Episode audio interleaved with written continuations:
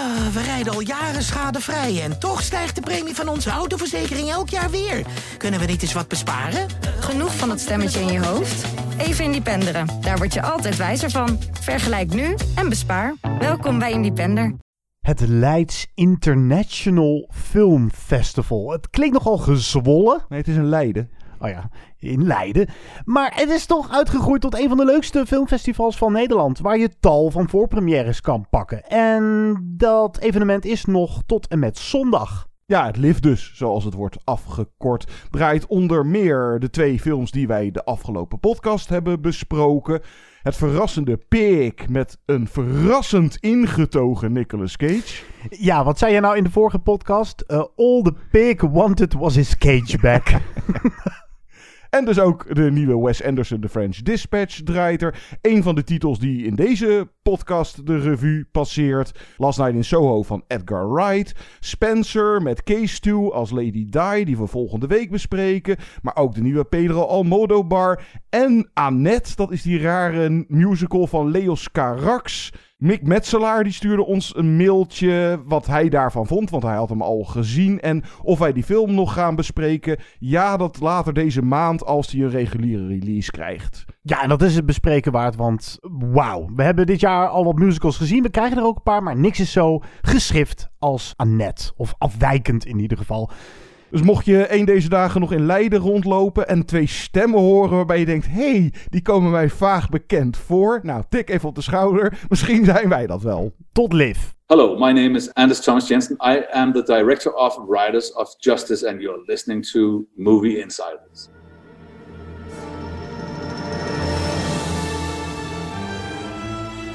Good evening, ladies and gentlemen. We are tonight's entertainment. Movie Insiders. They're here.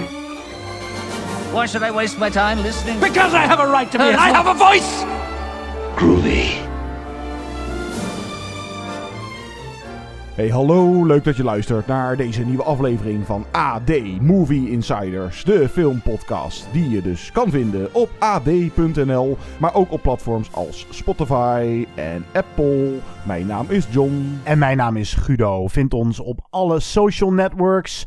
Of stuur ons een mailtje, want dan lezen we jouw pencil misschien wel voor in een aflevering. Het adres is nog altijd movieinsiderspodcast.gmail.com. John, jij gaat heel erg trots op mij zijn. Ja? Ja, ik heb eindelijk voor het eerst gezien jouw nummer 1, jouw favoriete film aller tijden. Oh, wauw. En dan moet ik nu heel enthousiast reageren. Oh, Oh, wow, wauw. dat had je me nog niet verteld.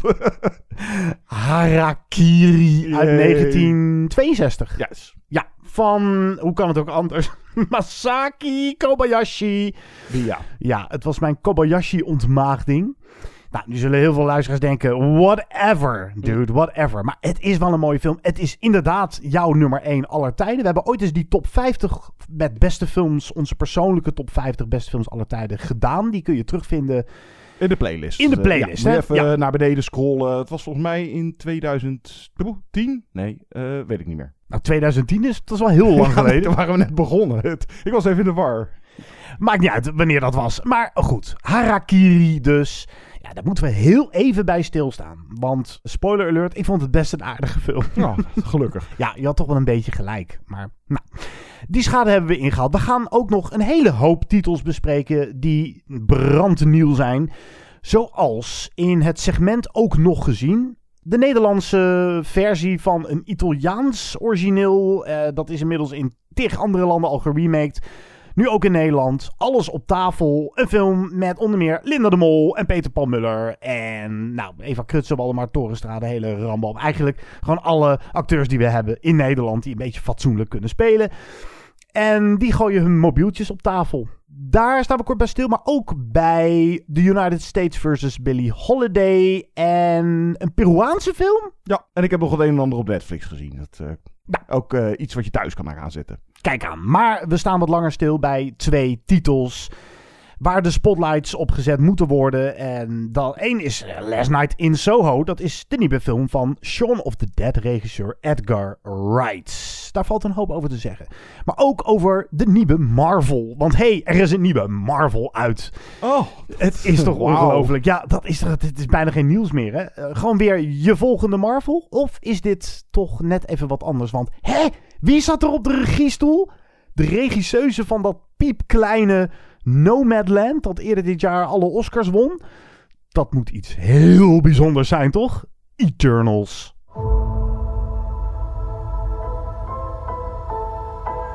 We're Eternals. We came here 7,000 years ago to protect humans from the deviants.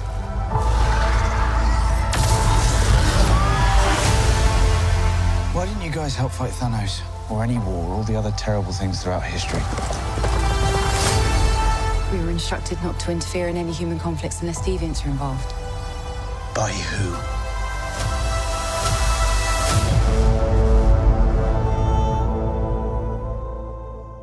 Even kort een synopsis, want hier valt heel veel over te zeggen. De Eternals zijn een tiental eeuwenoude aliens, wel in menselijke gedaante dan, die al sinds de oudheid op aarde zijn om de mensheid te beschermen tegen kwaadaardige wezens, de Deviants.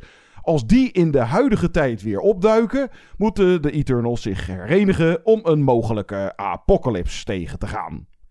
Volgens mij hebben wij beide het gevoel dat deze New Age Marvel wel eens hun eerste flop zou kunnen worden. Guido, welke factoren kunnen daarin een rol spelen?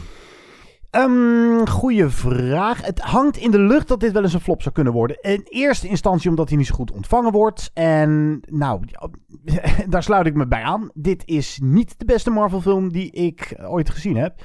Sterker nog, ik denk dat ik van dit jaar Black Widow al een stuk fijner vond. Net als Shang-Chi. Shang-Chi. ja. Ik, ik was hem alweer bijna vergeten. En dat is, is het ook een beetje. Is dit dan het verzadigingspunt? Maar ook Marvel gaat er automatisch vanuit dat we met z'n allen naar de bioscoop hollen vanwege het merk Marvel. En dat het dus ook niet meer zoveel uitmaakt eh, wie daar de hoofdrollen in spelen. Ja, Angelina Jolie zit erin, dat is dan de grootste naam. Maar zij hangt er een beetje bij. Heeft wat aardige vechtscènes, maar is toch een beetje een wormvormig aanhangsel hier. En verder, de emotionele kern moet hem in ieder geval liggen bij twee acteurs. Gemma Chen en Richard Madden. Ja, dat wist jij mij te vertellen. Dat wist ik helemaal niet. Maar die Richard Madden schijnt dan hoog op het lijstje te staan voor het spelen van de nieuwe James Bond. Maar ik ben niet heel erg bekend met die gozer. Nee, als je nooit Game of Thrones hebt gezien of die eh, andere serie, die heb ik dan nooit gezien, Bodyguard. En nou, hij heeft wel eens in een film gespeeld. Net als die Gemma Chen, eh, ja, Crazy Rich Asians. Eh, nou, zij zat dan toevallig ook in een andere Marvel, Captain Marvel. Speelde ze, nou, maar dan had ze blauwe smink of zo. Dus het is niet dat je denkt van, hey, die speelde al een, eh, een alien in een andere Marvel film. Dat, dat klopt niet Dan ben je wel een hele enge eh, Marvel-fetischist als je die eruit weet te vissen. Ja. Maar kan het een rol spelen dat ja, ze onbekend zijn, eh, de Eternals? Ja, dat verschilt weer heel erg per persoon. Niet de acteurs zozeer, maar de personages bedoel dat, je. Ja. op de strip. Nou kijk, het verschilt heel erg persoonlijk. Ik beken eerlijk dat voordat de films uitkwamen, ik niet bekend was met Iron Man of Thor. Ik had er misschien wel eens een keer van die En na- Black Panther ook niet. Nee, ik had wel eens een keer van die naam gehoord. Maar mijn comicboekkennis hield een beetje op bij Batman, Spider-Man, Hulk. En nou, misschien nog één of twee. Maar met deze. Het is ook de laatste. Nou, weken zou je misschien. eh, de, de hele aanloop naar deze release. De- ik merk geen anticipatie. Omdat het misschien ook inderdaad dus geen aansprekende eh, superhelden zijn. Of nou ja, dan, komt het meer neer op. Ja, het is weer de nieuwe Marvel. De zoveel. Maar ik, ik weet het, volgens mij, ik merk het ook een beetje. De marketing is nou niet echt zoals je dat normaal bij zo'n grote nieuwe Marvel blockbuster. En nou ja, oké, men de, de trailer die je. Maar men heeft het er nog niet over. Of in ieder geval momenteel eh, even afwachten als die dan uit is. Of men het er dan wel over heeft. Want ja, dat dit iets anders is dan we van Marvel zijn gewend. Nou, dat, daar komen we zo nog wel op uit. Maar inderdaad, die cast, wat je al aanstipte. Nou, het zijn geen grote namen in de zin van... Oké, iedereen kent Angelina Jolie of een Salma Hayek wel. Maar dat zijn nou ook niet meer de A-acteurs die ze misschien ooit waren. En inderdaad, Marvel doet dat wel vaker niet. En waar momenteel heel social media op losgaat al, is vooral de enorme diversiteit in de cast. Ik heb volgens mij nog nooit zo'n multiculti cast, zeker in een grote blockbuster. In een blockbuster dan, ja. En dan heb je het over inclusiviteit, want er zit dan een gay personage en een doof personage in. En ik zal me echt niet aansluiten bij social media.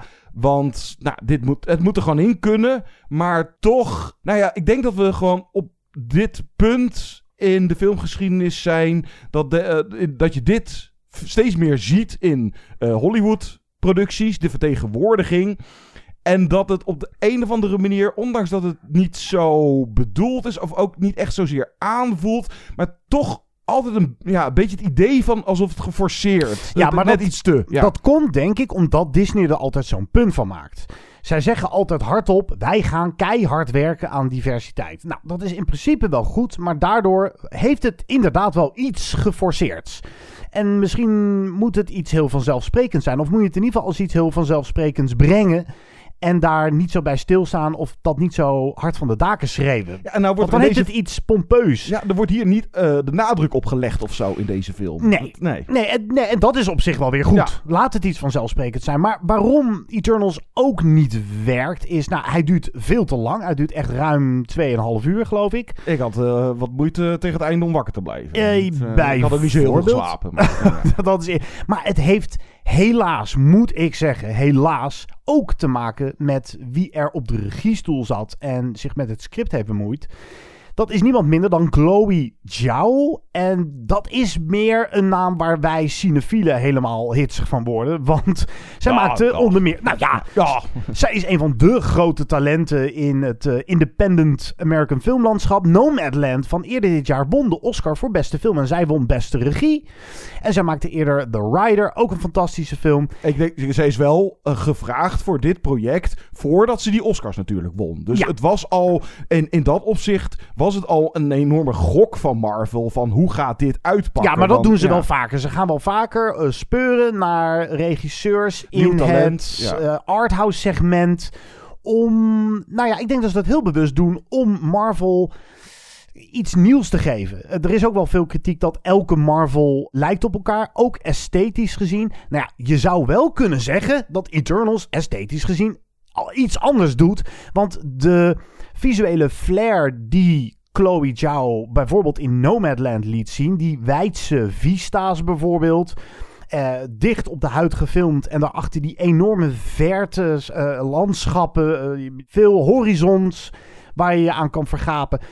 Maar waar dat in Nomadland zorgde voor een hele mooie aardse sfeer. Je voelde daar gewoon Francis McDormand bijna verbonden zijn met moeder eh, natuur. Heeft dat hier in een Marvel setting ineens iets zweverigs. Ja, en een hele rare Iets zelfs. Maar dit, eh, ik vind het wel echt heel opmerkelijk dat zij volgens mij, althans dat idee krijg ik, grotendeels de vrije hand heeft gekregen om haar film ervan te maken. En dat was het laatste wat ik verwachtte van Marvel, die, nou toch, eh, Kevin Feige is dat geloof ik, eh, die... eh, De over- creative Ja, inderdaad. grote chief daar Dus zo. hè, het, het, het mag niet te veel van de formule afwijken. En het lijkt wel alsof ze nu een keertje gedacht hebben van... Nou ja, weet je wat? Ga je gang maar. En nou ja, of dat dan geslaagd resultaat heeft opgeleverd. Ik denk dat het grootste probleem zit hem... nou, ook wel, denk ik, in eh, überhaupt gewoon ja, de karakters. eh, deze figuren. En de acteurs, nou, ligt het niet zozeer aan, want ze doen allemaal het op zich wel oké. Maar ook de manier waarop zij spelen, en dat komt voort uit het script. eh, het is allemaal nogal saai en kleurloos, eh, eh, zonder een flauwe grap erover te maken. Maar dat, ja, dat komt vooral door... Ja, het, het zijn een soort antieke X-Men die door een, laten we zeggen, een soort god gestuurd zijn naar aarde. En die dan al die eeuwen lang, vooral in het geheim, de mensheid eh, beschermen of licht helpen met ontwikkeling. Maar ze mogen ook weer niet te veel ingrijpen. Of ze mogen zich weer niet te veel bemoeien met de ontwikkeling. Er zit veel meer in volgens mij, dan dat eruit gehaald wordt. Het had veel meer de diepte in kunnen gaan. Filosofisch en... en Ja, maar dat is het toch ook ergens wel? Het is de manier volgens mij waarop het verteld wordt. Het, Ja, is, ja, nogal dat- een, het is nogal een statige film. En dat zit hem ook in het script. Want heel vaak, waarom deze film zo lang duurt... is omdat er enorme hoeveelheden background stories bij worden getrokken. Om dat universum helemaal te vertellen. En het gekke is, we zijn gewend dat dat tegenwoordig niet meer hoeft... omdat we het Marvel-universum al kennen. Maar dit is bijna een alternatief universum. Daarbij speelt ook een rol dat deze Eternals best wel geïsoleerd hun actiedingetjes doen. Ja, het is allemaal niet, onderling, ja. vaak niet in de, de real world zoals wij die kennen. In Shang-Chi had je nog een grote actiescène ergens in, eh, weet ik veel, was het New York City? Nou, een grote stad in Amerika met een bus op hol geslagen. Nou, dan, eh, dat zou je bij wijze van spreken in je achtertuin kunnen zien gebeuren. En hier speelt alles zich geïsoleerd af. Ook omdat ze op een gegeven moment, eh, spoiler alert, een klein beetje tegen elkaar gaan vechten. Het is zo ver verwijderd voor je gevoel ook van het Marvel-universum en, En van- van de wereld, En ja. van de wereld überhaupt. Waardoor het iets, iets, iets afgezonderds heeft. Iets saais ook inderdaad wel een beetje. En dat statige, omdat er zoveel verteld moet worden wordt de actie heel vaak stilgelegd en moet er wat uitgelegd worden. En Chloe Chao, die zich met het script heeft bemoeid, die is dan helaas geen held. Kijk, zoiets werkt dus in een arthouse film. Want dan heb je niet heel veel actie. Dan kun je personages de hele, eh, de hele film lang hebben eh, eh, zitten mijmeren over het leven en over hun persoonlijke demonen. En, en, maar hier in een Marvel film werkt dat dus gewoon niet. Nee, omdat ja, je hebt ook gewoon, het zijn toch superhelden en ze hebben, eh, nou ja, op zich de kostuums zijn wel oké, maar ja, hebben allemaal kleur, kleurtjes, pakjes aan. Ja, maar En het dat- is daardoor ja. ook gewoon praatje, actie, praatje, actie, Ja. actie, praatje, praatje. Ja, dat hem inderdaad. Eh, plus, nou ja, eh, de, de lengte is sowieso niet gerechtvaardigd. Maar je hebt aan het begin van de film het, het Star Wars principe van zo'n tekst scroll. Die, eh zus en zo, aliens, la la la la la Oké, prima. Maar hier lijkt het alsof we eerst dan nog alsnog anderhalf uur de hele geschiedenis van die Eternals en wat ze allemaal hebben uitgespookt op aarde. En alle personages moeten een soort van geïntroduceerd worden. En het zijn er tien, dus het zijn er ook niet even twee of drie.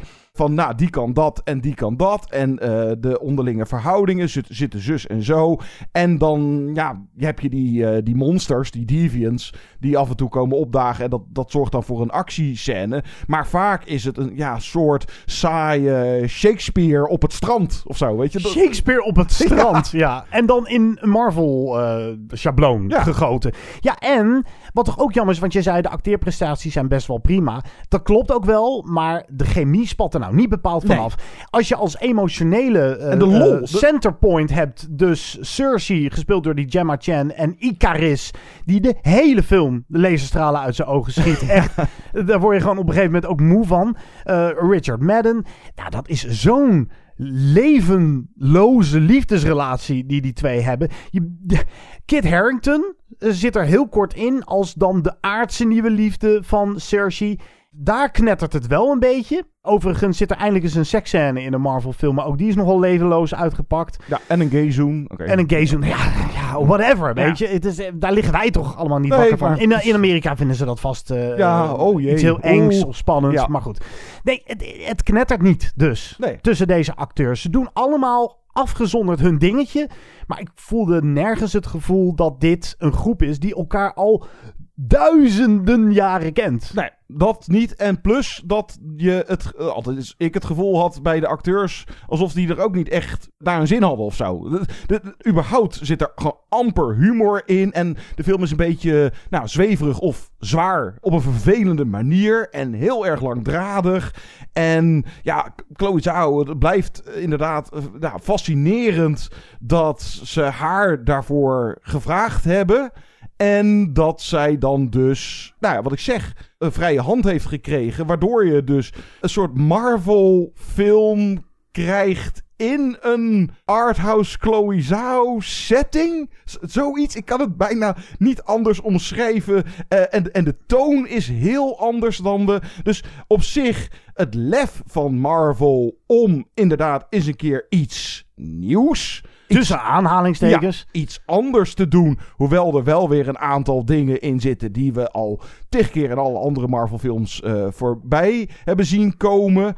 Maar ja, dat zorgt ervoor dat waarschijnlijk heel veel mensen, net als wij, eruit lopen. En ik had ook na 2,5 uur nog steeds zoiets van, wie zijn dit nou eigenlijk? En wat, wat zijn ze nou allemaal aan het uitspoken? Het- Ja, het en waar gaat dit nou eigenlijk Ja. heen? En, en, en oké, ze noemen dan wel een keertje dat wat er gebeurd is met Thanos en met de Avengers. Eh, het wordt een keer benoemd, maar je krijgt ook nooit het idee van... Oh, die waren er blijkbaar ook, die Eternals, maar die mochten zich er niet mee bemoeien. Eh, Oké, het zal allemaal wel, Ja, en maar dan de pogingen tot humor, die ook 9 van de 10 keer niet echt landen. als het er al in zat. Ja, nou, het zit er wel Ja. in. Eh, we hebben Kumail Nanjiani, dat is in Amerika een redelijk bekende komiek. Die zat onder meer in The Big Sick. Dat is een hele fijne ja, romantische comedy, zou je dat kunnen Ja. noemen? Ja. Die is wel de moeite waard. En hij speelt dan een Eternal die je op een gegeven moment volgt in zijn aardse leven. Dan moet hij toch ook wat te doen hebben. En dat hij dan een bekende Bollywood-acteur wil worden. En Is. daar, of is, is, ja. ja. Hij is dan een hele grote ster, maar daar worden een paar grappen over gemaakt. En op een gegeven moment laten ze die grappen ook maar weer los. Zo van, ja, we weten niet of dit nog leuk is, dus laten we het maar uitsterven. Het, het, is, het, het landt allemaal. En wat ik ook heel vreemd vond, is er worden heel veel eh, grapjes gemaakt over het DC-universum. Is je dat opgevallen? Batman en Alfred worden even genoemd. Alsof het stripboeken zijn in een wereld waar Marvel wel bestaat. Of zo. Heel gek. Ja. Heel gek. Nou, anyway. Had deze film überhaupt niet iets meer DC-gevoel? maar dan nou wel, ja, wel qua wel- ernst. Ja, maar dan wel met eh, licht, daglicht. Heel veel daglicht. Ja, ja. Dat, dat wel. Ja, dat, dat valt sowieso op dat veel actiescènes ook wel, nou ja, gewoon... Maar eh, het gewicht, het, het bijna pompeuze van deze, deed me af en toe een beetje denken aan eh, Justice League van eh, Zack Snyder. Gewoon Ja. dat gewichtige. En, ja, maar jij zegt gewicht, maar eh, weet je wat weer heel gewichtloos is? Dat zijn toch weer die special effects. Ik wil het toch even genoemd hebben, want nou, we hebben hier in deze podcast behoorlijk gemopperd op June, vooral ik dan. Maar ja, je kan zeggen wat je wil van June, maar dat, die wereld, dat visuele is tastbaar daar. Je zit daar naar een alternatieve wereld te kijken die bestaat. Het voltrekt voor je ogen alsof de makers echt de kosmos zijn ingereisd en daar eh, nature photography hebben eh, toegepast. En hier heb je toch weer dat Marvel, dat CGI gegogel. Het voelt nooit echt tastbaar aan. Het is toch gewichtloos en een beetje hocus pocus dat, dat maar niet in die onderbuik voelbaar wordt. Ja, inderdaad. En ik denk dus dat je uiteindelijk, eh, we moeten het even afwachten, want nou, eh, het is allemaal een beetje gissen, maar ik denk dat heel veel mensen, of je bent hier wild van, laat het eh, alsjeblieft horen, stuur maar een mailtje of weet ik het wat, of je vindt het echt helemaal niks. Zover wil ik ook weer niet gaan. Het is, het is, kijk, ik vond het absoluut een teleurstelling, maar ik vond het wel interessant om te zien dat Marvel eens een keertje de, de ballen heeft om een beetje van de formule af te wijken. Maar ik denk dat je waarschijnlijk zal krijgen, nou vooral mond op mond, dat mensen het er onderling of op eh, social media over gaan hebben van ja, nou wat dit nou weer is. En, en vooral dus afkraken. En dat dat een van de voornaamste redenen gaat zijn waarom dit gaat floppen. Ja, en dan is de echte graadmeter de nieuwe Spider-Man. Als die ook al tegenvalt, dan heeft Marvel een klein probleem. Cut! Okay, everyone, that was good. So we can do 10% better. That was beautiful. Very, very good. Ah! My friends from college are here. Oh, boss! Perfect timing. Welcome to the set of Shandar Dastane Icarus. I'm playing you. You like the costume? We need to talk. Tell the director I have some notes We for need to talk to you in private. Oh, Karan, he's worked with me for 50 years. I trust him completely. Actually, when we first met, he thought I was a vampire, and he tried to stake me through the heart. I've apologized so many times. Not quite enough times. Very close, though. I'll let you know. Oh, I have to get ready for the next scene. Come to my tent. We'll talk there. You guys are gonna love the next scene. I come in on a wire because you know I can't fly. Wait, are we getting back together? We need to talk. The deviants are back. We don't know how many there are. You need to come with us. Icarus, ofwel Richard Madden, speelde in, spoiler, de eerste paar seizoenen van eh, Game of Thrones. En de componist van Game of Thrones, Ramin Djawadi, die volgens mij, nou ja, de laatste jaren vooral dus met tv-series bezig. eh, maar die, eh, nou, misschien heeft Richard Madden gezegd van, hé, hey, weet nog wel een leuke componist. Het thema van Eternals, die is in ieder geval lekker. En de score, ja. Het, ik vond de, een van de beste dingen van Eternals, de score. Ja, ja. wellicht wel. Ramin Djawadi, blijf luisteren, want deze podcast is nog niet voorbij.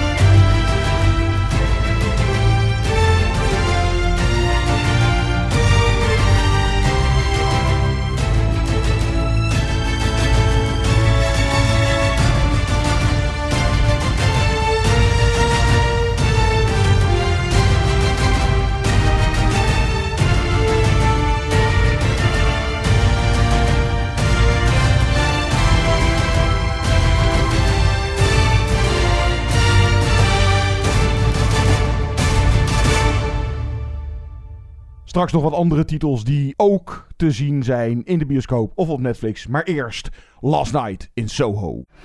Last night I had a dream. There was a girl. I got this kind of gift. And you are? Sandy. I can see people, places. So I'll see you again. You know where to find me. But they're not just dreams. They really happened. What did you see? A girl murdered. You witnessed the murder last night. You believe this was a vision. Jack, I don't want to do this. You think you can just walk away?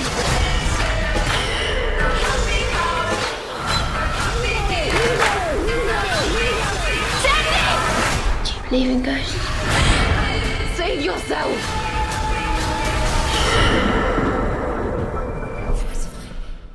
Eindelijk, eindelijk nieuw werk van Edgar Wright, waar wij filmliefhebbers handenwrijvend opgewonden van raken. Want hij maakte Shaun of the Dead, Hot Fuzz, The World's End, Scott, Pilgrim vs. The World en Baby Driver. Stuk voor stuk grappige, originele, energieke films waar vooral de liefde voor de cinema vanaf druipt. Hij is vaak op zijn best wanneer hij speelt met de clichés van het genre, eh, vaak het horrorgenre ook. Dus dat zit wel goed hier in Last Night in Soho, waarin een jonge dame Eloise, gespeeld door Thomasin McKenzie.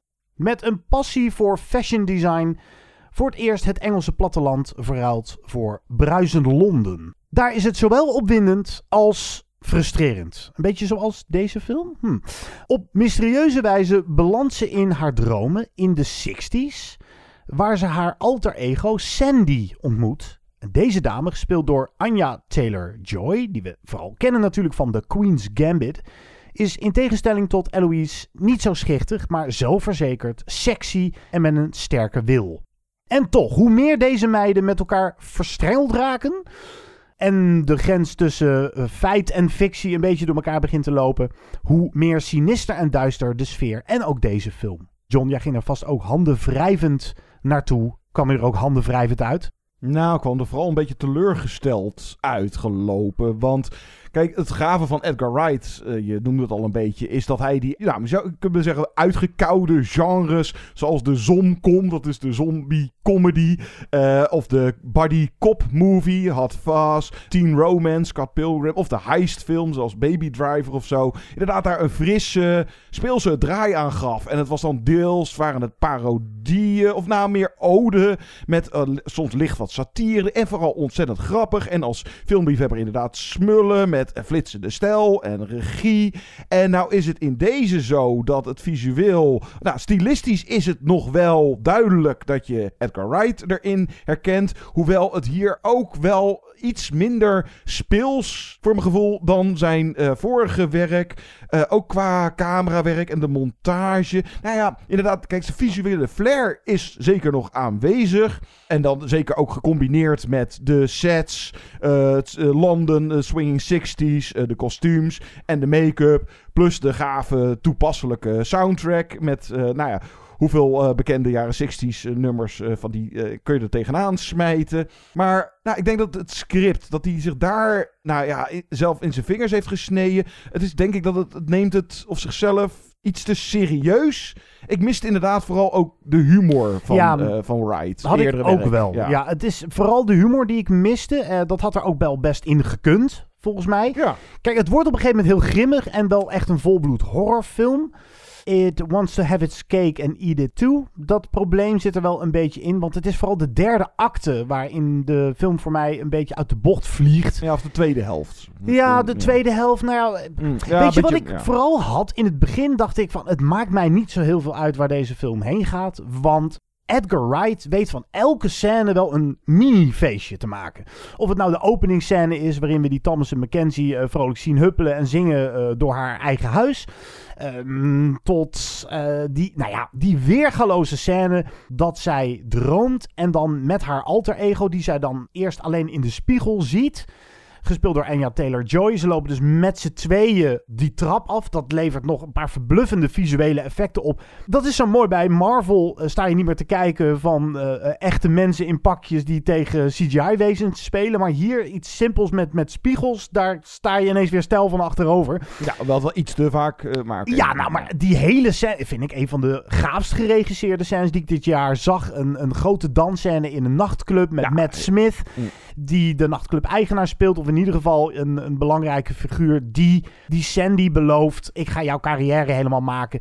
Hoe dat is gefilmd, hoe dat is gemonteerd en dan met die muziek. Het, het is zo spetterend. Ja, uiteindelijk weer eens een film van Edgar Wright die zo dol is op film dat hij overal mee weg kan komen. En dan komt dus voor mij die derde acte, die wat plichtmatig aanvoelt, alsof hij niet goed weet hoe die moet eindigen. Het is ook een script van Edgar Wright. En wat ook wel geprezen mag worden, het is een keer geen sequel, het is geen prequel, het is niet een bestaand stripboek of wat dan ook. Het is echt volledig uit zijn brein ontsproten. En aan het einde is het een beetje, ja, een beetje cliché horror met een twist die ik uh, ver van tevoren al zag ja, aankomen. dat nadeel had ik ook. Ik had eigenlijk na een half uur die een van, of de voornaamste twist had ik al geraden. Of die, die voelde ik aankomen. Waardoor dan zeker de finale ook uh, iets te lang wordt. Uh, als je dat al weet. En ja, sowieso. Maar, maar ja. om even een punt af te maken. Nee, het is zeker niet zijn beste film. Maar het plezier dat in deze film zit. En ook het camerawerk overigens van een bekende Koreaanse uh, cameraregisseur... die ook uh, veel werk heeft gedaan voor Bong Joon-ho? Of, eh, nee, joh, hoe heet die andere ook? Park Chan-wook? Ja, Park Ah, Chan-wook. eh, De Handmaiden onder meer. Nou, dat is spetterend. En daarmee is deze film ja, toch af of zo. Het is toch een film die je moet zien in de bioscoop en die het smullen waard is omdat het zo... Ja, jij zegt niet zo speels als een andere film, maar dat had ik dus niet. Ik vond hem zo speels, zie je ze gewoon bijna nooit. Ja, dat gevoel had ik er misschien een beetje bij of zo. Maar dat komt misschien omdat ja, in de tweede helft nou, een beetje een zootje wordt. Eh, dat gaat misschien wat ver, maar eh, vond ik soms de personages of het verhaal een beetje vervelend of soms zelfs hysterisch worden. En dan zitten er een aantal verschijningen, laten we even zo noemen, in. Die wel goed freaky zijn, maar op een gegeven moment te veel eh, in beeld komen, waardoor het echt repetitief wordt. En Ja, gaat eh, iets te los Ja. of zo in die laatste... Inderdaad. eh, ja. En, eh, en dan nog maar de vraag van, ja, in hoeverre is het echt? Kijk, op zich, er valt nog wel wat uit de film te halen over nou, eh, nostalgie. Zeker van die Eloise naar die tijd, de swinging 60s. En dat zij daar een eh, iets te rooskleurig eh, beeld eh, van heeft, blijkt dan. Want, nou, en dan speelt er iets mee van misogonie en hoe daarmee wordt, nou even zeggen, wordt afgerekend. Ja, en dat wij met z'n allen eh, veel te veel in nostalgie blijven hangen. Want het is dan een niet geheel toevallig gekozen thema. Ja, deze Eloise blijft te veel hangen in nostalgie. En eh, eh, nostalgie can kill you, is het ook een beetje in, in dit geval. Maar dat wordt wel ons voorgeschoteld in een tijd waarin we allemaal eh, veel te veel blijven hangen in nostalgie. Ook in de filmindustrie. Alles eh, grijpt terug naar eerdere successen of naar de 80s met Stranger Things en alle spin-offs die daar weer uit. Of spin-offs in ieder geval. Dat heeft een trend gezet dat, dat helemaal is uitgewrongen inmiddels. En daar heeft deze film een soort van interessant speels antwoord op. Ja, en dan zou je kunnen zeggen dat, eh, nou ja, kun je het een script trucje noemen, maar of zij, Ellie of Eloise, of ze nou daadwerkelijk wel of niet dan naar de 60s getransporteerd wordt. En ik had tijdens de eerste helft van de film alsof het er niet echt toe deed of zo. Het was ook meer gewoon een beetje van, nou ja, oké. Maar dan later in de film, nou ja, eh, het wordt gebruikt dat zij dus geesten kan zien. Maar, en dan wordt het een soort cold case detective-achtig iets of zo. En, En het, en het snijdt geen hout meer. Nee, dat dat viel mij vooral op. dat was Er is- jammer. In het begin, oh, volgens mij Edgar Wright ook zie zo, ja, fuck it. Dat kan er gewoon. En dan later is het opeens... Het snijdt geen hout meer. Nee. Ja, dat is inderdaad een probleem. Wat ik verder nog wel ook interessant vind, wat je eruit kan halen als allegorie, is de enorme druk die wij eh, als maatschappij op jongeren leggen om te presteren.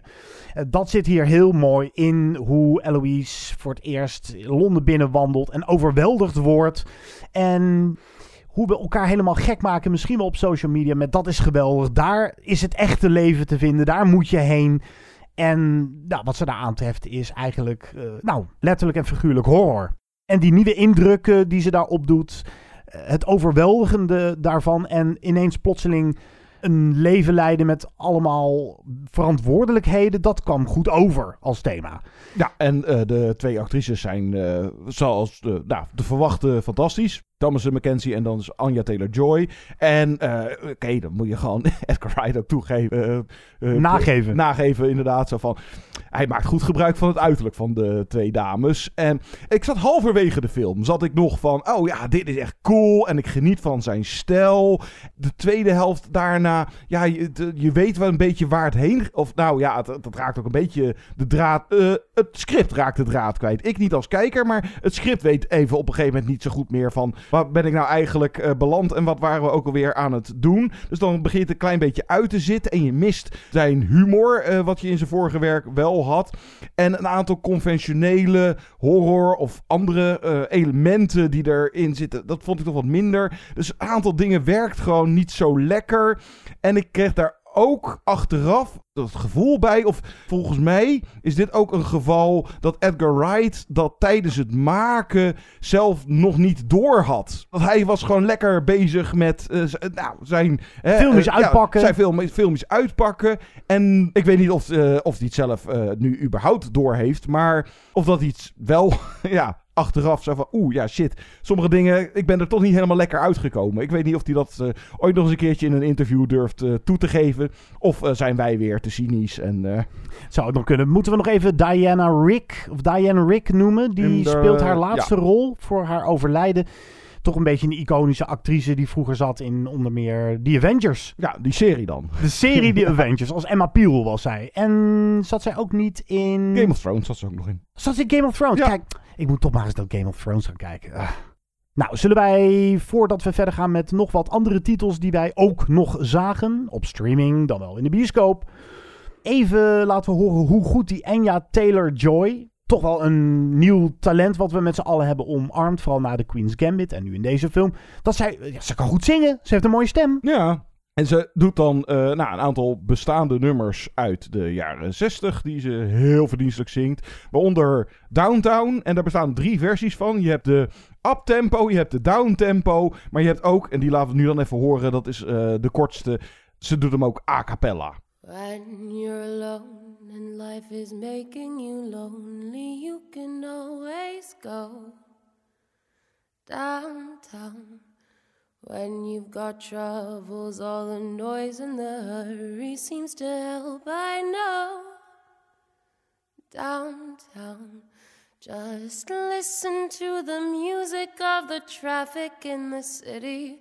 Linger on the sidewalks where the neon signs are pretty. How can you lose?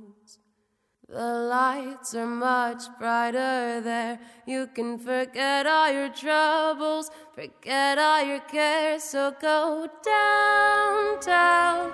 Things will be great when you're downtown. No finer place for sure. Downtown. Everyone's waiting for you. Everyone's waiting for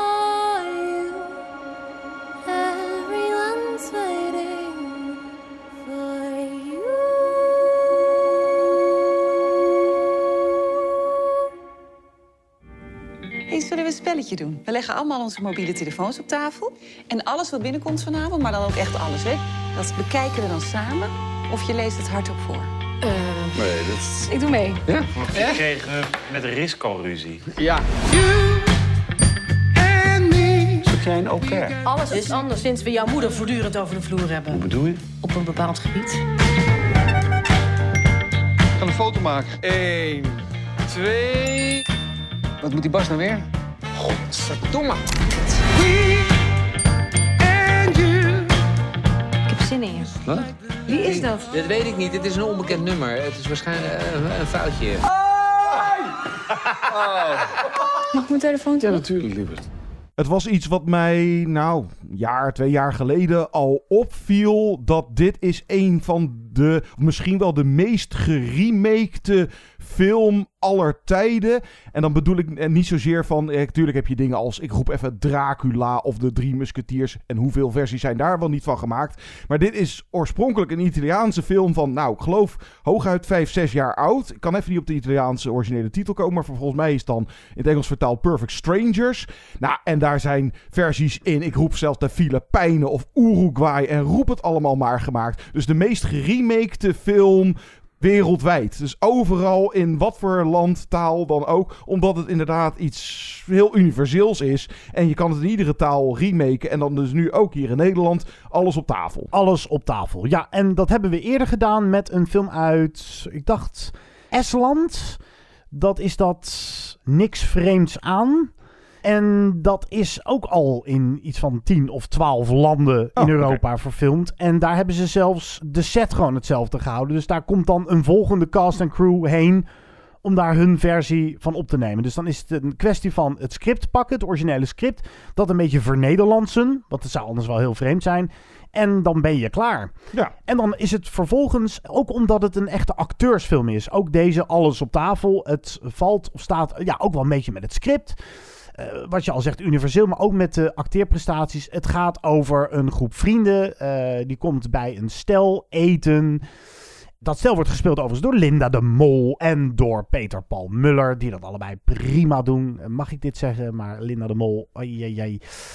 Het wordt toch ehm, lastig om je onder alle fillers nog eh, enigszins te herkennen. Goed, heb ik dat toch heel even gezegd. Maar Peter Paul Muller is toch een van de betere acteurs die we hebben in Nederland. Die is, eh, die is goed hoor.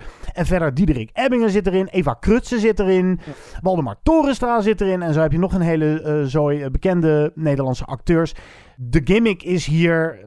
Ze gaan met z'n allen eten. Er borrelt van alles op de, op de oppervlakte. Hoe zeg je? Aan de oppervlakte borrelt er van alles. Ja, zoiets.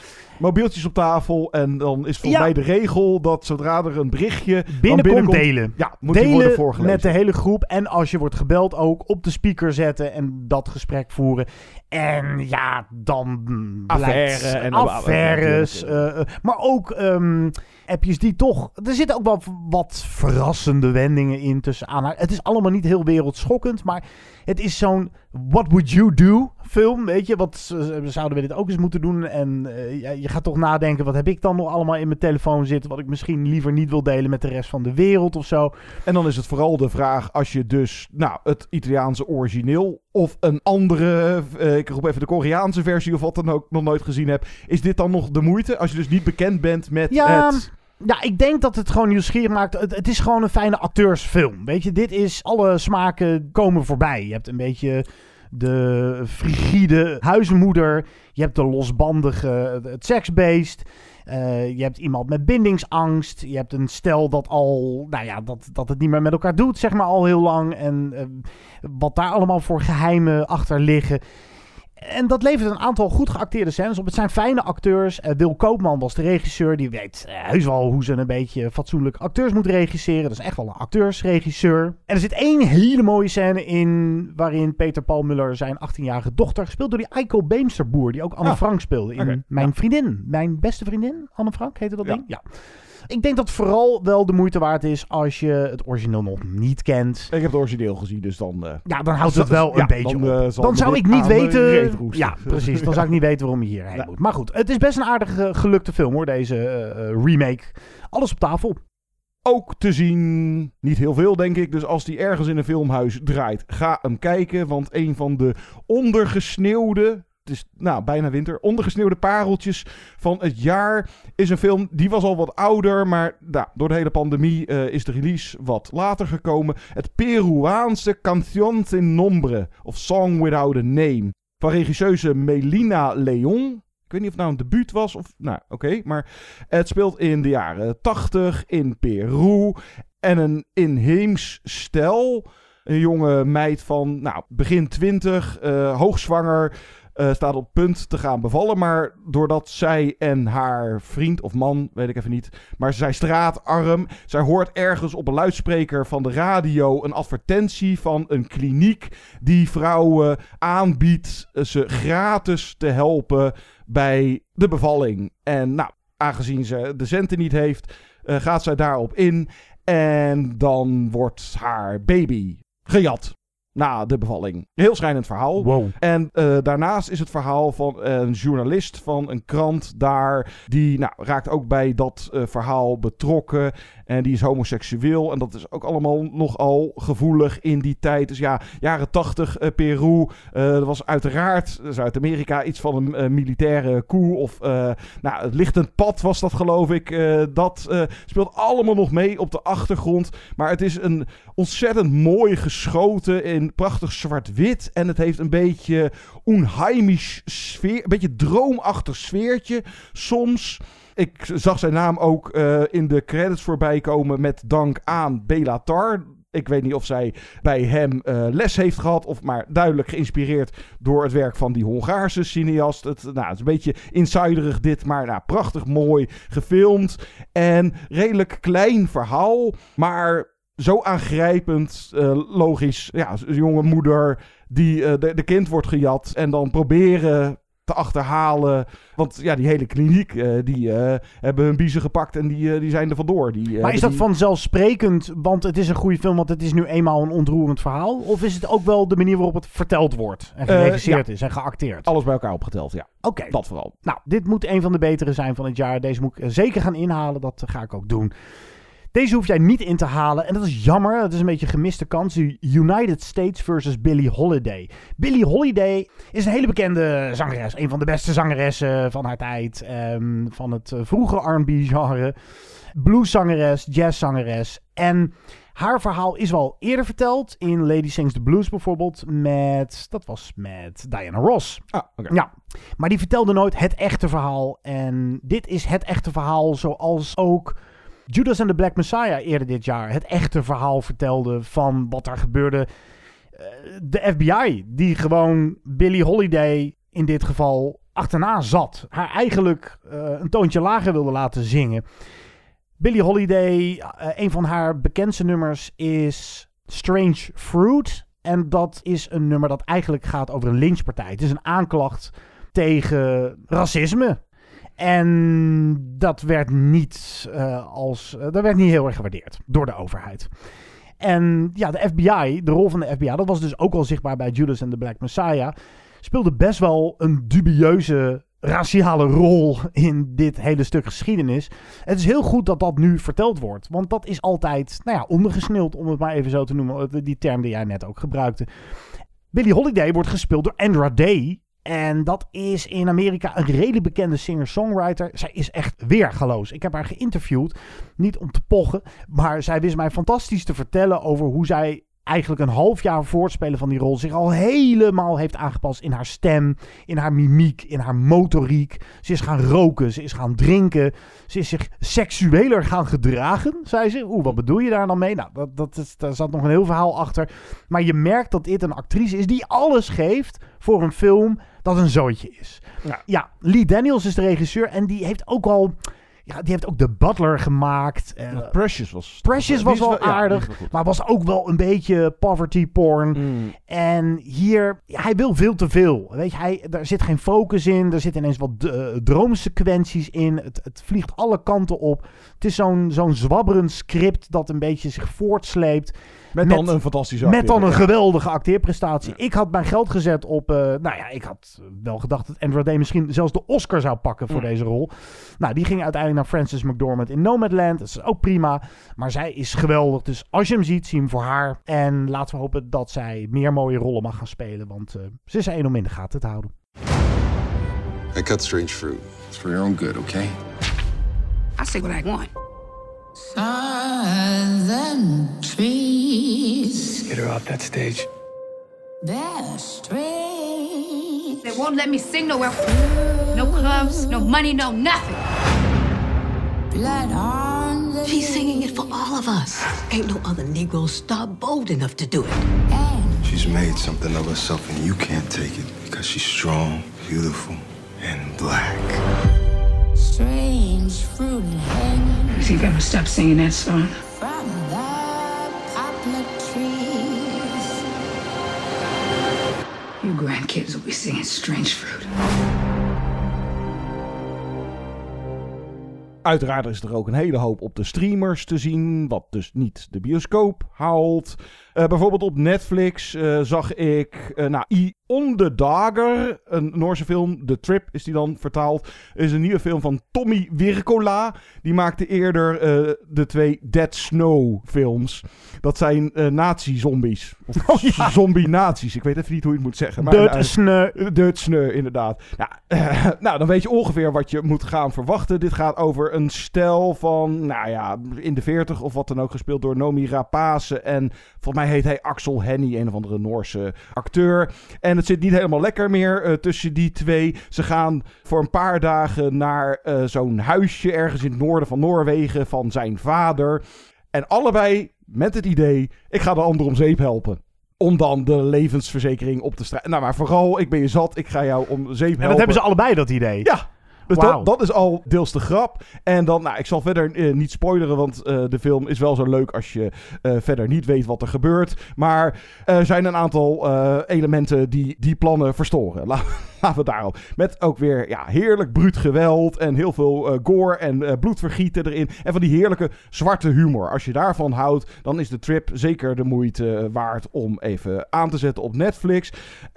Ja, qua humor, dan kom je wat meer in het flauwe humorkamp.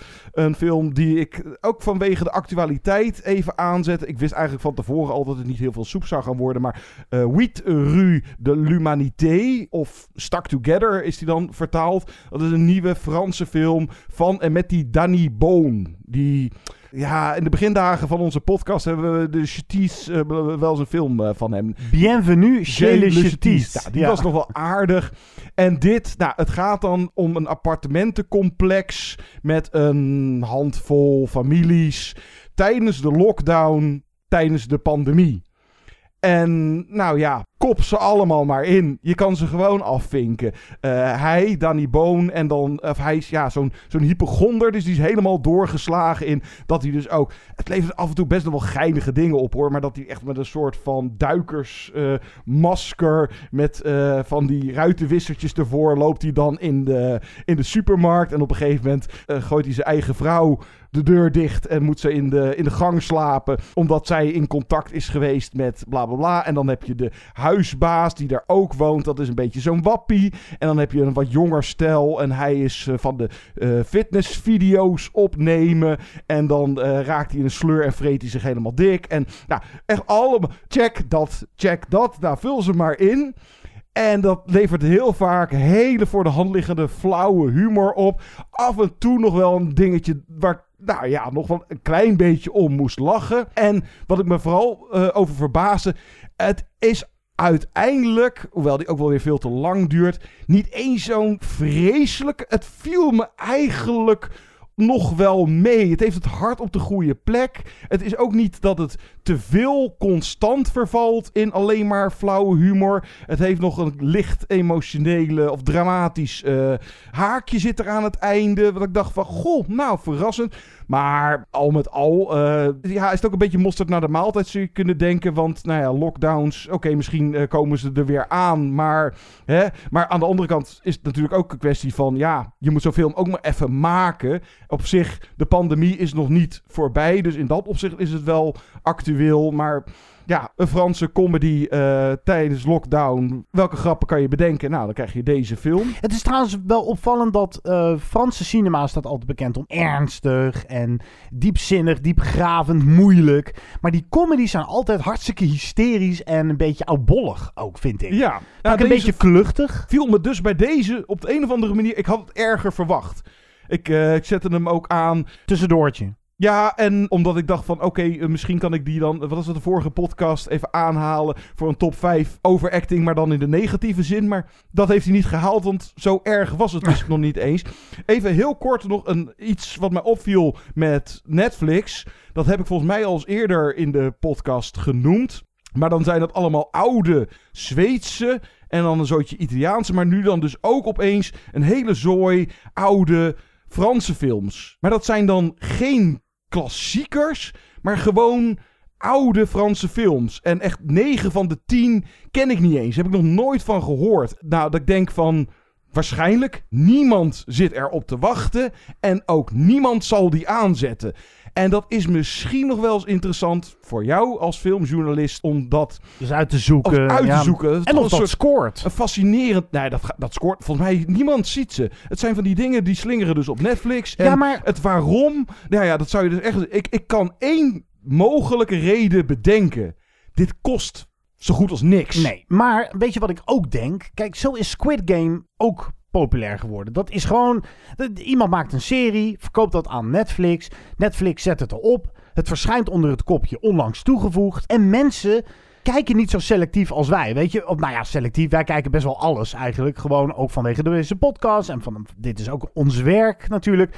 Maar ik denk dat heel veel mensen films tegenwoordig consumeren op Netflix. Ze zetten dat ding aan. Ze kijken naar onlangs toegevoegd kijken daar een trailertje van of ze lezen die vierregelige synopsis en zetten hem dan gewoon aan. Dus ik denk dat wel degelijk die films ook wel worden gekeken. En dan is het Nou. ook nog een hele goedkope deal om te sluiten, want deze films dat waren geen hits. Nee, het zijn dus geen whatever. dus dat- je krijgt ja. in een package deal, hier heb je 30 van zijn films. Dan, eh, ze zijn misschien allemaal van dezelfde distributeur of whatever. Dezelfde filmstudio. Dus dan vraag ik me eh, inderdaad, dat, dat zou je dan uit moeten zoeken van in hoeverre worden die bekeken. Want nou, met die Zweedse films zullen ze waarschijnlijk een, een dealtje hebben gehad met het Zweeds Filminstituut die al die films gerestaureerd heeft. Maar dan nog een of andere Zweedse film, eh, zwart-wit uit de jaren 40, die misschien ooit tien bejaarde Zweden gezien hebben Ja. of zoiets. Die gaat, die gaat men echt niet zitten kijken nee, hoor. nee, maar ik ben wel geïnteresseerd in het hele fenomeen. eh, zetten mensen gewoon aan wat onlangs is toegevoegd. Gewoon, oké, er staat iets nieuws op Netflix. Kijken, want dit is gewoon mijn bron van cinema en series. Ja, maar het zijn dan dus ook blijkbaar eh, films die niet de moeite zijn. Ja, Want, tuurlijk. Ja, Ja, er zitten ook slechte dingen Nou tussen. ja, eh, bijna alleen maar. Want dan, dat denk ik dan ook van. Want Netflix heeft een eh, x aantal titels wat kan, zeg maar. Een soort van eh, bibliotheek. En daar kan maar maximaal zoveel in. Ja, het zal wat dan meer geld kosten. Maar zet er dan echte klassiekers in. Zoals Harakiri. Harakiri, mooi bruggetje gebouwd, Ja. John. Nou ja, goed, daar zouden we het nog heel even over hebben. Laten we dat ook heel erg doen. Het is even een stijlbreuk met eh, waar we het net allemaal over hadden, nieuwe films. Dit is een film uit 1962, maar wat maakt hem zo bijzonder? Nou, omdat het een klassieker is, maar ook omdat het Johns favoriete film alle tijden is. Ja, verschilt ook een beetje per dag. Hey, hey, hey, het was jouw nummer Ja, het is 1. nummer één Dat tijden. is in beton gegoten, John de Ja. Jong. Want we deden die top 50 beste films alle tijden. En dan staat hij op 1. En zo staat hij ook op Letterboxd. Ja. Dus dan is het jouw favoriete film alle tijden. Punt. Ja, maar dat... Daar kun je niet op terugkomen. nou ja... Vandaag of morgen is dat soms weer Marketa Lazarova. En, het- maar ja, Harakiri... Goed, vooruit. eh, Ik heb hem eindelijk eens aangezet. En ja, het is een fantastische film. En wat ik ook zo mooi vind aan, aan toch wel veel van die samurai-klassiekers überhaupt. Ze zijn best wel universeel en tijdloos. Dit soort films worden niet meer gemaakt omdat het zo zijn tijd neemt om een film te vertellen. Een, een verhaal echt heel langzaam zich te laten ontvouwen. Het is ook van de scriptschrijver van Rashomon. Nou, Rashomon, dat is zo'n filmklassieker die bekend is geworden omdat het gaat over... Je hebt één gebeurtenis en die wordt door verschillende personages verteld. En dan krijg je dus ook verschillende versies. En wat is dan de werkelijkheid? Het is het bijna een soort metafoor geworden. Het Rashomon-principe. Of eh, het gegeven van de unreliable narrator. De, de niet te vertrouwen verteller. Ja, en dat is hier deels een beetje aan de orde. Ja, deels, maar het gaat ook ja, het gaat over het fenomeen dat in 1600 zoveel toen eh, de samurai, of in ieder geval dat hele systeem, die hiërarchie, stond niet op instorten, maar had wel zijn hoogtepunt een beetje gehad. En dat er toen veel Ronins, dat zijn de samurai die geen meester meer hebben en een beetje ronddolen, aanklopten bij eh, huizen van clans. Eigenlijk eh, met de mededeling: ik wil mijn leven beëindigen, want dat is heel eervol om dan harakiri te plegen. Hara staat voor buik en kiri staat voor snijden. Dus een mes in je buik en dan staat er ook nog iemand achter je om uiteindelijk je kop af te hakken. En dat is dan heel eervol om op die manier je leven te beëindigen. Maar waar heel veel Ronins eigenlijk stiekem op uit waren, was een aalmoes. Dat gaan wij hier toch niet doen. Rot maar op, hier heb je een paar eh, munten. En daar deden ze het ook eigenlijk voor. Maar in dit geval zeggen ze van... Ja, jij wil vast weer een aalmoes. Jij gaat godverdomme gewoon lekker harakiri plegen hier. je doen ook. Ja, en oh shit, je, je zwaard is niet eh, eh, van, van metaal, maar echt van, van bamboe. Maakt niet uit. Jij gaat gewoon harakiri plegen hier op het center En daarna dat- ontvouwt ja. zich een verhaal dat meerdere lagen heeft. En ook best wel speelt met de verwachtingspatroon van de kijker. En ja, kritisch. Ja. Eh, Kobayashi was kritisch op, nou ja, vooral, hij was pacifist eh, in hart en nieren. En Zeker. Dus, krat- dus dan kan je de, de hele toen moderne tijd eh aanlinken. Maar kritiek op de Bushido, de code van de samurai. En, nou maar ja, dat kun je doortrekken op het. Dit is ehm, een prachtige film over de hypocrisie van de macht. Die zich strikt houdt aan de ooit bedachte regels. Ook al zijn die heel erg achterhaald. de regels en de codes.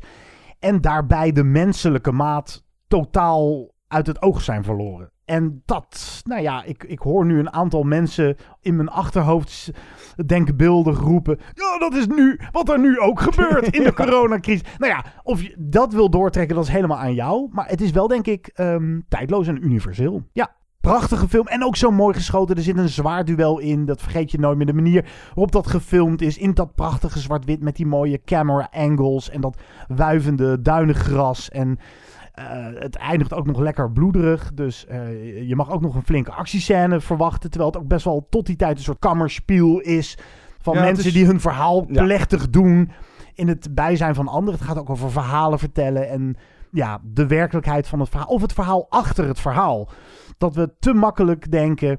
Oh, jij bent er weer zo één, weg ermee. Maar misschien zit daar wel een zeer schrijnend verhaal achter. waar wij geen oog meer voor hebben in deze maatschappij. Ja, en ik geloof dat hij gelukkig eh, de laatste jaren wat meer gezien wordt, deze. Want hij is, ja, met die IMDb top 250, daar staat hij dan nu sinds, eh, zeggen we een jaar of twee jaar, staat hij daar eh, heel hoog terecht in. Maar dat komt omdat zo'n film moet dan minimaal zoveel stemmen hebben om. En ja, nu is dat dus eindelijk gebeurd, dus... Mocht je hem nog nooit gezien hebben, zet hem dan echt eens een keertje aan. eh. Ja, is die ergens te streamen? Ik heb geen idee. En anders eh, moet je hem nou, eh, goed zoeken. Ja. Slim zoeken. Tot zover deze aflevering van Movie Insiders. John, wat gaan wij de volgende aflevering doen? Dat vraag je mij altijd. Ja. Nou, dan gooi je het nu anders Jij bent de man van de agenda. Oh, oké. Spencer. Ja, Spencer. Ja, die in ieder geval. Nou, dat Case is Stew, oftewel Kristen Stewart, bekend van Twilight, speelt ineens hier Princess Diana. En Princess Diana, ik denk dat heel veel mensen denken, "Pff, dat hebben we nu wel een beetje gehad. We hebben natuurlijk ook net het seizoen gehad van The Crown, dat heel erg ging over eh, nou, de geschiedenis met Lady Di. Maar dit is anders, want de regisseur van Spencer is Pablo Larraín en die heeft ook Jackie gemaakt, een biopic over het leven van Jacqueline Kennedy. Ja, dat is een Chileense regisseur met een eh, eigen stijl. Een eigen stijl, Ja. maar die ook niet zozeer aast op de werkelijkheid. Het is geen documentaire-achtige film. Het is fictie, eigenlijk eh, gefantaseerd op hoe zou het leven kunnen zijn geweest. Of hoe kan dat laatste weekend dat zij eh, doorbracht met haar royal family. Hoe zou zich dat hebben afgespeeld? En hoe was de sfeer daar? Ja, dat inderdaad. Tot die tijd, John, waar kan de luisteraar ons vinden? Oh, dan mag ik die doen, ja. Zo, rollen het balletje heen en weer. Eh, je kan eh, naar onze site movieinsiders.nl.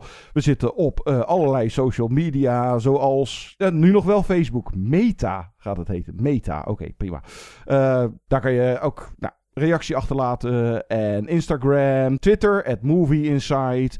Onze mailtje sturen, movieinsiderspodcast.gmail.com. Je kan deze podcast beluisteren via Spotify, Apple Podcast, Google Podcasts. En dus zijn we iedere week te vinden op ad.nl. Waar je ook in de playlist onze oude afleveringen terugvindt. En dus die top 50 beste films aller tijden. Die we dus niet in 2010 was dat, maar wat recenter. Maar wel een paar jaar geleden gedaan hebben. Moet je even naar beneden scrollen. En dan, eh, spoiler, is mijn nummer 1 Harakiri. Wat zou die van mij dan zijn? Oeh. Oei, oei, oei.